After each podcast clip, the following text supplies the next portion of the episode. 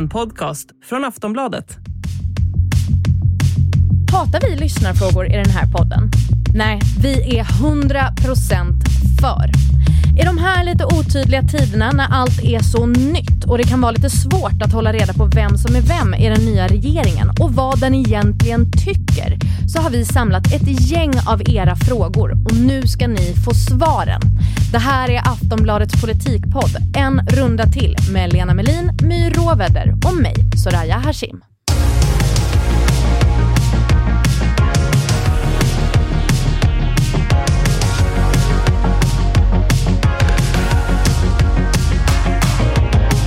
My och Lena, mina vänner, hur mår ni? Ganska bra. Bra, tack. Härligt. Våra lyssnare har skickat in massa bra frågor till er som ni ska få svara på idag. Men jag vill ändå parentesa in här att normalt så bandar vi ju avsnitten samma dag som de kommer ut. Men när lyssnarna hör det här avsnittet så är det höstlov och därför är det här avsnittet förbandat en vecka tidigare i tiden. Nog om tidsresor. Det är dags att öppna frågelådan här igen i podden. Sam skriver så här. Jag har sett att flera journalister beklagat sig på Twitter över att det varit svårt att få vissa av de nya ministrarna att ställa upp i intervjuer. Jag undrar generellt kring ministrars relation till reportrar. Måste de svara på journalisters frågor och när är det ett problem om de inte gör det? Alltså de måste ju inte, det finns ju ingen konstitutionell plikt att ställa upp för, för eh, landets eh, reporterkår. Men det är ju väldigt konstigt om man i ett demokratiskt samhälle inte kan förklara och försvara vad man har gjort som en folkvald, eh, i alla fall indirekt folkvald person. Så mm. att det, det, är klart att det ingår i äh, så att säga, arbetsbeskrivningen att man ställer upp för intervjuer och äh, även ansvarskrävande sådana, inte bara i någon soffa för att prata om att mamma var jätteelak. Finns det exempel på när det har blivit problem? Alltså att någon minister har hållit tyst för länge eller sådär. Nu i början av den här eh, mandatperioden så har det ju varit lite svårt att få tag i både eh, Romina Pourmokhtari och eh, Parisa Liljestrand vet jag. Sen har ju de liksom ändå varit med till slut. De har ju gett med sig, men, men det har ju varit framförallt där som det har varit klagomål. Men det är väl egentligen två olika saker. Det ena är ju att man inte är tillgänglig i början av eh, en regeringstid för att man inte satt sig in i frågorna och det finns ju inte heller någon ut, ansvarsutkrävning i samma utsträckning i början. Eh, det stora problemet är ju när det finns ansvarsutkrävning, att man inte då ställer upp på intervjuer. Det är ju två helt olika saker egentligen. På ett sätt så tror jag att det, jag kan ändå förstå att om man inte är helt insatt, mm. att man försöker hålla sig undan lite. Nu tycker jag ändå att det har varit väldigt många ministrar ute. Vad de gör är att de väljer ju eh, program eller kontext eller liksom sammanhang där det är lite lättare kanske att eh, vara med, där man inte har liksom hårda frågor eller det inte är långa intervjuer till nej, exempel, nej. utan att det är lite, lite kort, eh, man får prata om vad man vill göra istället för liksom vad man har gjort och sådär. Man så får visa upp sig lite. Ja, jag tycker inte att de har varit helt eh, sådär frånvarande, det tycker jag inte. Jag tycker att de har varit med ganska mycket ändå, de flesta av dem. Men vilka ministrar har ni tyckt att det varit svårt att få tag i genom åren? Har det varit någon som varit lite krånglig? Stefan Löfven var ju ett tag ett bass kring honom att han aldrig ställde upp på just de här ansvarsutkrävande intervjuerna. Men jag måste säga att det tycker jag var, inte var riktigt sant. Mm. Mm, det var inga problem för dig? Nej, jag bad nog inte ens någon gång, men efter Aftonbladet var det ingen problem Alltså, man kanske inte fick komma samma eftermiddag, men det är ju att begära för mycket. Mm. Huvudsaken är att det är någon slags i närtid. Men det låter inte som att vi i Sverige direkt har ett utbrett problem med ministrar som inte svarar på frågor. Jag tror att de flesta ministrar tycker att ett problem att, till, att de inte är tillräckligt intressanta för att få frågor. Det är faktiskt, det finns ju två sidor av det myntet och det är också det här att det finns ministrar som alltid vill vara med. Jag jobbade ju många år med Ekots lördagsintervju som ju är en lång ansvarsutkrävande intervju och där var det väldigt tydligt när ministrar försökte ducka från att vara med i den typen av intervju. Stefan Löfven var ju en sån som mm. väldigt sällan eh, ville göra det. Magdalena Andersson ville inte heller särskilt ofta. Jag vet att Fredrik Reinfeldt hatade att vara med och har varit arg några gånger. Eh, och sen så fanns det sådana ministrar som alltid ställde upp. Eh, och Vilka var det? Alltså nu har jag ju bara jobbat, jag jobbade med lördagsintervjun under eh, socialdemokratiska regeringen, så det är ju den referensen jag har. Men Ylva Johansson ställde ju alltid upp. Här är jag! Man kunde liksom ringa henne med så kort framförhållning. Ja, men jag tror att ofta handlar det om om man är en politiker som kan sitt ämne och vet det, som känner sig väldigt grundad och liksom fast i partiet, som vet att man kan ta alla frågor på volley. Mm. Eh, för det finns, man kan ju bli rätt manglad i de här långa intervjuerna, särskilt om det är etermedia, det finns ju liksom inget sätt att komma undan. Eh, då kan man ju bli rätt manglad om man inte kan, eh, kan sin fråga.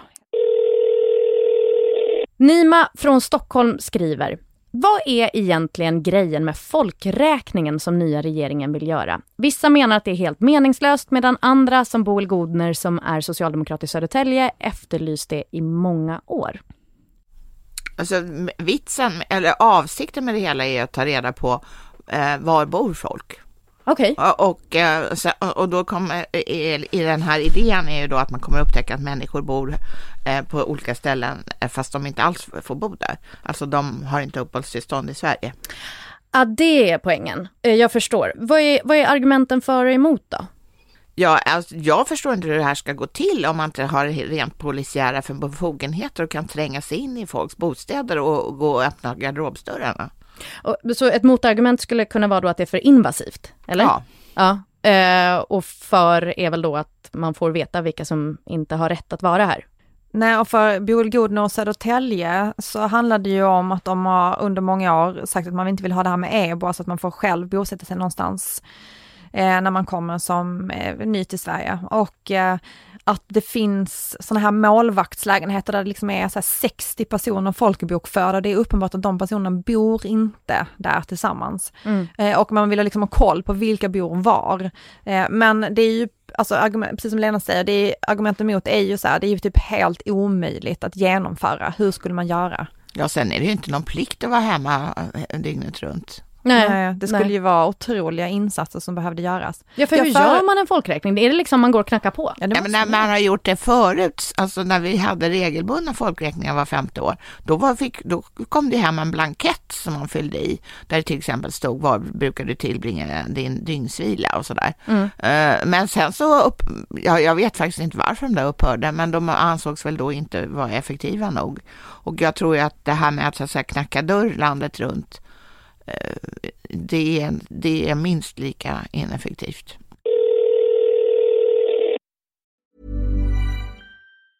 Hey, I'm Ryan Reynolds. Recently, I asked Mint Mobile's legal team if big wireless companies are allowed to raise prices due to inflation. They said yes. And then when I asked if raising prices technically violates those onerous two-year contracts, they said, "What the f*** are you talking about? You insane Hollywood ass."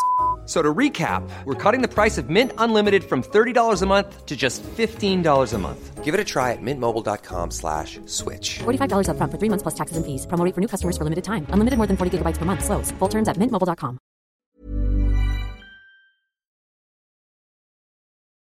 Signaturen Blond on Blond vill veta. Många nya partisekreterare presenteras i dagarna. Bland annat ska Johan Ingerö bli Kristdemokraternas partisekreterare. Vad är egentligen partisekreterarens viktigaste uppgift och egenskap? Ja, egenskapen är nog ett eh, tjock, tjock hud. Det är väl inte en egenskap, men jag tror det är väldigt bra. Uh, nej, men deras, det är att hålla ordning på partiet, lösa tvister. De är, är, har jättemycket att göra för att i alla partier så finns det tvister och då måste de åka dit och reda upp det på plats och hålla tupparna isär och sådär. Det, det är det det går ut på. Är det partiets mellanbarn? Som liksom ska medla ja, mellan... Lite. Alla ska vara nöjda och glada och sen så ska man också utvecklas. Om det finns lugna perioder så ska man liksom utveckla partiet.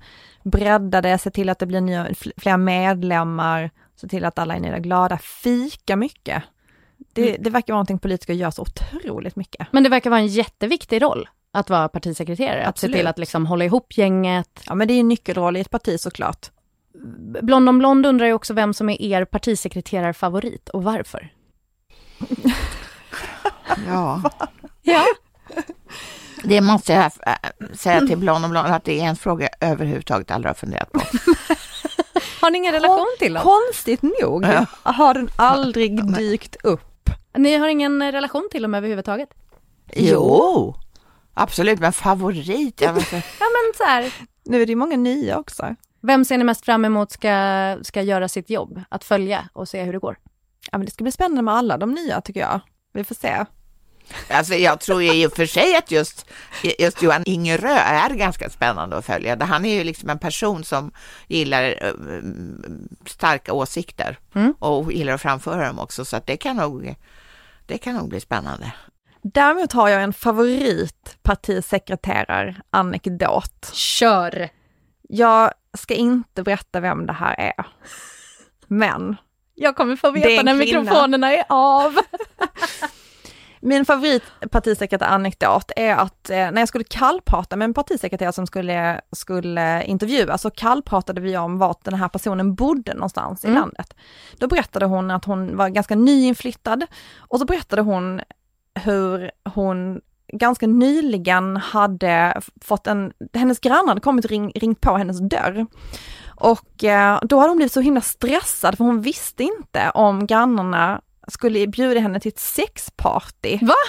Eller, och det ville hon inte vara med på. Så hon var, blev så himla stressad. Varför trodde hon det? Ja, det är väldigt oklart. Och varför var det svårt att tacka nej undrar man ju också. Tack, det är bra. Eh, och, och då så visade det sig att det bara var en grillfest. hon bara utgick ifrån att så här knackade på min dörr så är det någon som vill ligga. Alltså det var, det var väldigt oklart. Jag har, jag var liksom som en liten, som en liten fågelunge med öppen mun. Jag var okej, okay, tack så mycket. Friskt självförtroende ändå. Verkligen. Johannes skriver så här, apropå att Jimmy Åkesson inte blev inbjuden till Nobelfesten i år heller. Hej Lena och My. Nu när de andra högerpartierna visar tydligt att de tycker att Sverigedemokraterna är ett vanligt parti bland alla andra genom att släppa in dem i värmen, undrar jag vad de tänker när Jimmy ändå inte får komma på Nobelfesten. Nobelstiftelsen sa i sitt pressmeddelande att Sverigedemokraterna inte har respekt för vetenskap, kultur, humanism och internationalism. Det är ju en tydlig markering från dem att SD inte är som de andra hur stor skada tror ni sådana markeringar gör för regeringspartiernas arbete att så att säga tvätta rent SDs image? Ingen jag tror, alls. Nej, jag håller med. Det spelar ingen roll. Nej. Det är en liten ö då kvar där man tycker att man ska hålla fast vid det här exkluderandet. Så att eh, jag vet inte, det är ju en privat fest, det är klart man får bjuda vem man vill. Men Jimmy Åkesson har klarat sig ganska bra under de 12 år som han har suttit i riksdagen. Han kommer att klara sig bra i fortsättningen också utan Nobelfesten. Uh, det blev nobben till Nobelfesten i år igen. Hur känns det? Jag visste inte att jag hade bett om att få komma dit faktiskt, men uh, okej. Okay. Signaturen Måste jag gå om skolan? undrar. Jag var på en middag med min killes kompisar för två veckor sedan när de pratade om höghastighetståg. Jag Kul middag. Nej men snälla, killmiddag. Jag har inte hängt med i debatten och nu kan jag inte komma ikapp. Jag trodde det var självklart bra att satsa på de här tågen, att det är bra för miljön och skulle göra att fler valde tåget framför inrikesflyg. Men under middagen var alla överens om att det här är en dålig idé och jag fattar inte riktigt varför. Och sen satt jag mest som ett fån och nickade med. Men jag vet fortfarande inte riktigt vad jag nickade om. Jag känner mig som en idiot. Hjälp mig! vad är motargumenten mot höghastighetståg, förutom att det säkert är dyrt? Alltså det är svindyrt. Alltså svindyrt. Och Men, det är det som är liksom stora argumentet? Ja, man tycker då inte att den samhällsnytta som man upp, alltså skulle uppnå genom de här höghastighetstågen är, den är inte lika hög som kostnaden. Och det här, eh, det här är ju en gammal alliansidé mm. från alliansregeringen. Och, men där ändrades ju Anders Borg redan medan den regeringen satt och sa att, det, att samhällsnyttan är inte så stor så att det är värt de här pengarna. Sen kan man säga att klimatnyttan är också disk omdiskuterad därför att de här höghastighetstågen skulle gå så himla fort så att de ordinarie banvallarna, de som vi så att säga, är vana vid att det ligger en massa ja, nu uttrycker jag mig så att en tågentusiast blir ju förmodligen gråtfärdig, men eh, eh, att det är massa sten och sen så ovanpå det så ligger det syllar och sen så är det skenor ovanpå det. det, det går, man måste ha massa betong. Aha. Mm. Så, och det är ju inte miljövänligt. Nej, man skulle väl också bygga dem uppe på, alltså lyfta Ja, det var en dem. idé. Mm. Ja. Så vilka, vilka partier är för och vilka är emot? Är det några som är för? Eller tycker alla det här bara ja, Miljöpartiet är... De är de ju enda? För. Alltså den andra regeringen drev ju ändå höghastighetståg. Det var ju någonting som Miljöpartiet fick igenom i förhandlingar. Men nu så kommer man ju lägga ner den satsningen eftersom att det finns jättemycket pengar att lägga på annat i den här satsningen. Just det. Okay. Och, och det blir inte jätte, jättemycket, det går inte jätte, jätte, jättemycket snabbare. Alltså om man kommer här fram en halvtimme tidigare till Göteborg kanske man, det kanske man kan låta bli. Okay. Men, men det finns ett annat problem med svensk järnväg och det är ju att det är så fullbelagt på spåren. Så att eh, den miljönyttan eh, att köra spårbundet måste ju uppnås då på något annat sätt, att man skaffar sig räls på annat sätt än höghastighetsräls. Ja, och, och det, för det tänker jag liksom, det är ju ett vardagsproblem som många har, att de kanske vill resa från en stad till en annan, men det är pissdyrt, det kostar lika mycket kanske som inrikesflyget. Det, det går inte i tid, det går inte i tid. att komma fram. Så vad finns det för lösningar på liksom det här problemet, om det inte är höghastighetståg? En del anser att det är dubbelspår till exempel så att de inte tågen behöver åka efter varandra och då är det så att godstågen stoppar ju upp persontågen för godstågen går långsammare. Mm. Eh, så att har ett godståg helt enkelt råkat hamna framför ett persontåg så kan ju inte den åka, det åka om och ta sig snabbare fram till Katrineholm eller vad det nu ska. Eh, och sen så är, ja, det, sen är det ju de här alltså olika tekniska problemen, att det är växelfel och kontaktledning och sånt där som man inte riktigt vet vad det är. Men, men satsningar, finns det här liksom? Att man faktiskt eh, vill ja, då bygga till? Ja, alltså det satsas ju på järnvägen, men jag tror att de flesta tycker kanske att det är lite väl blygsamt. Nu hör och ser man nya justitieministern Gunnar Strömmer överallt. Även ni har pratat om honom vet jag, men jag vill veta mer. Berätta mer om honom, var han kommer ifrån, hans bakgrund, hur han är som person och hur han kan, kommer att bli som minister. Ja, jag kan ta hans bakgrund lite ja, snabbt. Kör. Han är från Örnsköldsvik. Mm. Han eh, är jurist. Han har jobbat med så här rättighetsfrågor på någonting som heter Centrum för rättvisa. Han har också jobbat på en stor advokatbyrå. Uh, han har varit ordförande i MUF och han gillar att prata och är väldigt jovialisk. Hur kommer han bli som minister tror ni? Ja, jag tror han kommer bli en väldigt resonerande minister och det är ju bra i vissa sammanhang, i andra inte. Mm. För då kanske man inte kommer till skott, eller? Nej, kanske lite otydlig kan man ju vara då. Mm. Är han Ulf Kristerssons viktigaste förtrogna? Det är ju Elisabeth Svantesson, men de är ju lite av en trojka där. De tre? Eh, ja, precis. Alltså nu kommer han ju förmodligen inte att vara det. Utan hans, hans tidigare uppdrag inom Moderaterna var att vara partisekreterare. Det har varit eh, ända sedan Ulf Kristersson blev, blev eh, partiledare. Men nu kommer inte de ha tid att snacka så ofta. Nej, det kanske blir en high five i korridorerna och gå vidare. På tal om Kristersson, han har ju varit ute och rest och jag blir ju ändå lite nyfiken på hur gick det för honom? Han har ju varit och, och snickesnackat, det har varit lite EU och sådär. Han har varit glad.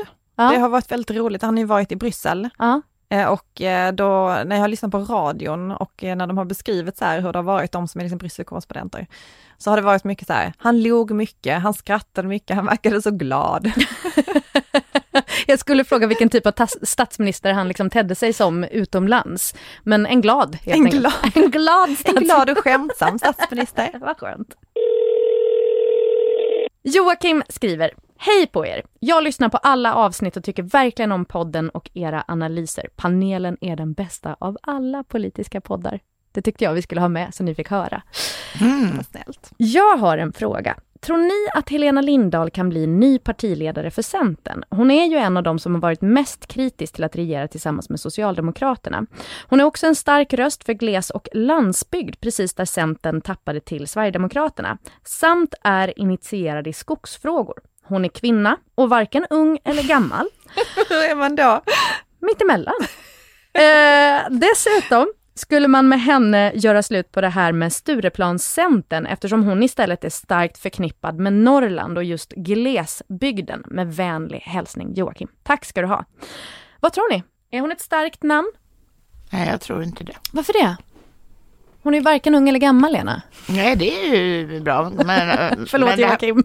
det, men det här med varken eller är ju för sig inte nå- det, som en genomgående grej för en bra politiker är det inte bra. Okej, Eh, man ska vara något. Ja, men eh, och det, tror, det är väl det hon är. Hon har ju så att säga brutit mot partilinjen vid åtminstone ett spektakulärt tillfälle. Där hon röstade, eller inte gjorde som, hon, som partiet tyckte att hon borde. När var det? Det var när de skulle rösta fram Stefan Löfven efter Ah, januariavtalet. Just det, just det. Men okej, så är, är hon för mycket? Är det ett problem då? Nej, men Jag tror att hon är en högljudd kritisk röst och de finns inom Centerpartiet. Men de är inte så himla många egentligen. Så att hon är ju ingen samlande röst eller samlande person. Sen tror jag att eh, hon absolut kan vara med i den här fighten om partiledarstriden. Alltså att hon eh, liksom ska visa, kan visa på bredden i partiet. Men jag tror att om man vill ha en samlande röst så är hon ju väldigt specifik för en liksom, falang och den är inte jättestor. Men vad är då hennes... Så utan den falangen hade hon kanske varit en perfekt profil. Men eftersom hon har varit den tydliga rösten för liksom ett håll Ja. så tror jag att det blir svårare för henne att vara en faktisk kandidat, alltså en, en eh, som kan bli vald. Vad är hennes fördelar då? För det här, det här låter ju som att det här kommer ju ligga henne i fatet, men liksom vilka styrkor har hon? Ja, men det är väl att hon faktiskt är en känd person relativt, kanske inte liksom för den breda allmänheten, men hon är ändå ett namn som har varit med länge, hon är ändå ett namn som har liksom debatterats.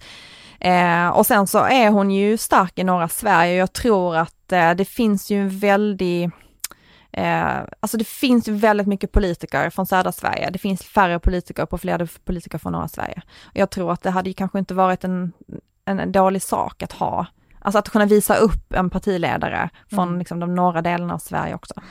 Så det tror jag. Jag tror att hon har ju liksom, den perfekta centerprofilen förutom just att hon bryter partilinjen. Här har vi en eh, kungafråga från signaturen Kung Charles. Hur många av partierna i riksdagen är för att vi byter ut statsskicket från monarki till republik? Och om de är för, varför driver de i så fall inte frågan? Jag kan inte ra- svara på rak här, men det är ju flera. Men Ja. ingen driver ju frågan. Det Why? är därför att kungen är, kungahuset är omtyckt. Ja, alltså jag såg att eh, senaste mätningen jag kunde hitta var från 2016 när Svenska Dagbladet och Sifo gjorde en undersökning som sa att 65 procent av svenskarna vill behålla monarkin. Ja, och om man frågar om kungen respektive Victoria så är det alltid fler som eh, tycker att hon är toppen. Så, så, Så det är en lång tid framöver då, då folk kommer liksom inte vilja bli av med monarkin. Nej, och jag men, monarkin har ju en, en alltså mycket begränsat inflytande, eller monarken har ett väldigt begränsat inflytande över samhällsutvecklingen. Men eh, det är ändå någon, någon slags samlande symbol och så länge någon vill vara det så tycker inte jag heller att varför, varför tacka nej? Mm. Det är ju, man måste göra om hela statsskicket om också. Det är ju otroligt jobbigt för, alltså tänk så här, man måste liksom omorganisera landets allting om man skulle byta ut också. Så att jag tror att folk tycker det är lite jobbigt. Okej, så det är mäckigt, det, det är stort bök för någonting som liksom folk i majoritet ändå inte Ja. liksom vill och Ja. eh, värt att lägga liksom sina ägg i en annan korg om man är politiker. Nej, nej, men precis. Och sen, sen är det ju bra med en samlande symbol för landet och sen så är det ju också kul att titta på klänningarna när de har kalas och sånt där. True. Eh, vi har faktiskt en till kungafråga och den kommer från Liselott och den är lite på det här temat som du varit inne på eh, Lena. Liselott verkar lyssna noggrant på en runda till. Hon säger så här. Hej! Gillar er podd, men jag tyckte mig ana att ni kom ut som monarkister. Är det min mamma som har skrivit in? Det, det vet jag inte. Hon heter Liselott, hon lyssnar på vår podd. Det, ja, men då kanske det är Det din mamma. här, det här skulle kunna vara ett sätt för henne att f- smygfråga mig om jag har blivit monarkist. Okej. För, jag ska liksom eh, berätta för lyssnarna. Jag tror att det här refererar till avsnittet vi gjorde som hette Vem är den svagaste länken? Och vi pratade om hur det var på konseljen när Ulf Kristersson utnämndes till statsminister av alltså kungen. mig. Det är mig. Jag Kanske. säger det till min mamma. Det är mamma som har skrivit in. Du får ringa henne sen. Jag får ringa henne, får vi ta det här privat? Nej, vi ska ta det inför alla lyssnare. Eh, för vi ska faktiskt lyssna på hur det lät när vi pratade Ja. om det. Men det var mycket, mycket djupa bock bockning, bockar, nigningar, fnitter eh, och liksom så här titta så här stirrigt på varandra. Och nu tog hon mig i handen efteråt. Men gud så mänskligt. Ja, ja men det var, det var mycket, det var, exakt, det var en mycket mänsklig tillställning. Men Elisabeth Svantesson skulle jag säga var den som är mest överraskande, var så här. Och det är en hand som fortfarande inte har tvättats. Det är en hand som Ja, kommer men hon liksom. måste ju ändå ha varit på diverse kungamiddagar genom årens lopp. Eh, Men det blev ändå en fangirl moment. Ja, ja men det var det verkligen. Och så skulle jag säga så här att om vi skulle titta på eh, reaktioner, vem av de här två kungligheterna är mest populära, så tror jag att alla tyckte det var intressantast att träffa kronprinsessan. Ja men hon är ju en star, det är klart. Ja, ja men det får man säga, hon har en, gla- hon har en glans. Ja hörni, hur står det egentligen till med royalismen i rummet? Alltså, lät det här som jag kom ut som monarkist? Men Liselott, Liselott, kanske din mamma tyckte det. Hur står det till med royalismen i rummet? Alltså jag, att jag skulle vara royalist kanske är att ta i. Men jag måste säga att jag tycker det är ganska kul med ett kungahus. Eh, Jag förstår inte hur de står ut. Nej. Det, det är, men det är en annan fråga. nej. Eh, Alltså så många gånger jag har pratat med människor om det här. Ja, och eh, Det är en, det är en, hel- men jag tycker att det är väldigt roligt och det är också en, en, liksom en viktig del av vårt kulturarv med alla dessa slott och det, historiens vingslag och kungar som har velat det ena och det andra. Så att, eh, nej, jag, jag är nog mer positiv än negativ. Och du My?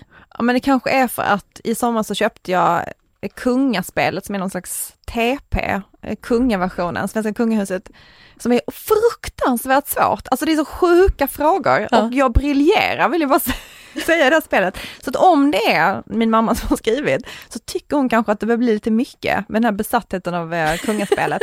Men det handlar ju väldigt mycket om, precis som Lena säger, att eh, historien är ju superintressant och liksom kungahuset som historiskt, eh, Eh, ur liksom ett historiskt perspektiv tycker jag är spännande. Men jag har verkligen, eh, Liselott, inga starka känslor för monarkin utö- utöver liksom den historiska aspekten.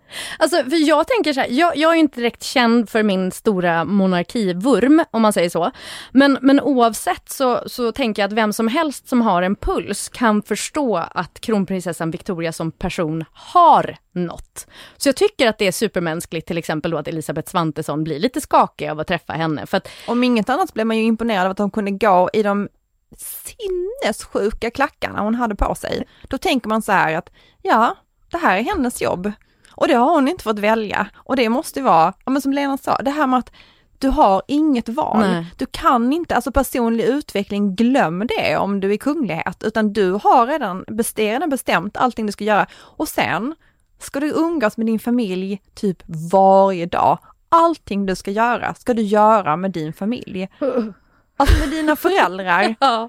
Alla middagar, alla fester, alla dina jobb, allting ska du göra med dina föräldrar. Men jag tänker också att det är helt naturligt, alltså så här, har man sett en person 111 000 gånger i en upphöjd position på, på tv, i tidningar och så vidare, så, så är det ju väldigt lätt att känna att man får en underdånig relation till den personen om man skulle träffa den i verkligheten. Alltså jag tycker det är, jag tycker det är mänskligt att bli lite knäsvag av det. Jag hade lätt kunnat känna så för att träffa henne trots att jag bryr mig väldigt lite om monarkin. Men jag hade också känt så om jag såg typ Lili och Susie. Alltså, om ni förstår vad jag menar. Nej, det hade, Vilket intressant exempel. Ja men alltså för att det är ju det man, det är det det har byggts upp till. Att, att så här, de står lite över, det är lite fint, det är mycket ceremoni, alla blickar är riktade. Det är klart att det blir en stor grej oavsett om man gillar kungahuset eller inte. Mm. Eller? Ja, alltså den enda gången som jag har blivit riktigt starstruck, så att jag typ inte kunde prata. Och det som tur var så kom det i efterhand när jag insåg vem jag hade träffat. Det var när jag träffade hon som spelade Ronja Ah, i Astrid Lindgrens film. wow. Har du blivit starstruck någon gång Lena? ja, Vem var det? Ja, första gången var det nog ehm, av Olof Palme, att jag, att, att jag skulle prata med honom och ställa frågor. Wow. Det, det tyckte jag var väldigt konstigt. Uh, uh, och sen så blev jag lite knäsvag faktiskt av Margaret Thatcher också. Ja men det kan jag förstå. Det var lite tyngre än Karl Einar Wow. Häckner som jag tänkte säga. Vad hände med Thatcher?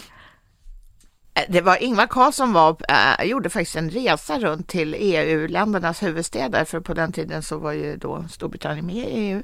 Och äh, det här var för att EU planerade sin eh, mycket framgångsrika inre marknad och Sverige skulle ju då stå utanför den eftersom vi inte var med i EU och då åkte Ingvar Carlsson runt och sa att uh, vi ville komma innanför den här tullmuren. Det var otroligt viktigt. Alltså, de, flesta av Sveriges stora ex, exportmarknader ligger ju i EU. Mm. Och då skulle han bland annat träffa Margaret Thatcher och då stod hon där på för den, på den tiden fick man gå in på, number 10, eller på Downing Street och så stod hon där på trappan och väntade med sin handväska och såg allt mer irriterad ut för man förstod att bilen som skulle för, släpa fram så att säga, Ingvar Carlsson dit var försenad.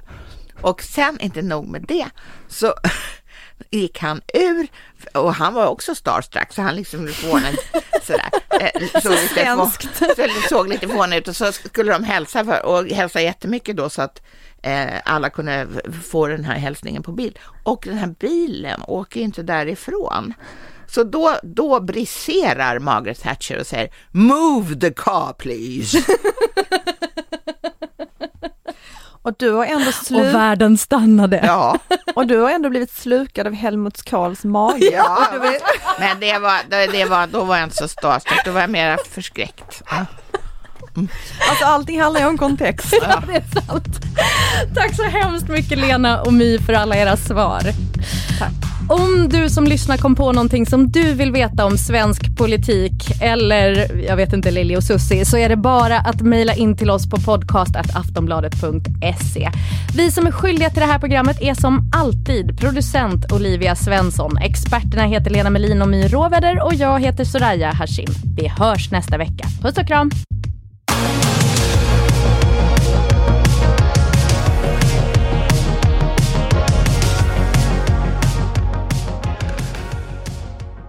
Du har lyssnat på en podcast från Aftonbladet.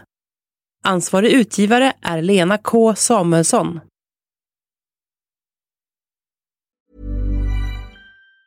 Say hello to a new era of mental health care. Cerebral is here to help you achieve your mental wellness goals with professional therapy and medication management support. 100% online. You'll experience the all new Cerebral Way, an innovative approach to mental wellness designed around you. You'll get a personalized treatment plan from a therapist, prescriber, or both in a safe and judgment free space. Your cerebral therapist or prescriber will outline a customized plan with clear milestones along the way so you can get to feeling your best. With Cerebral, you're not alone in your mental health journey. We're here to empower you to live a fulfilling life. So take that first step towards a brighter future and sign up today at cerebral.com slash podcast and use code ACasts to get 15% off your first month. Offer only valid on monthly plans. Other exclusions may apply. Offer ends July 31st, 2024. See site for details.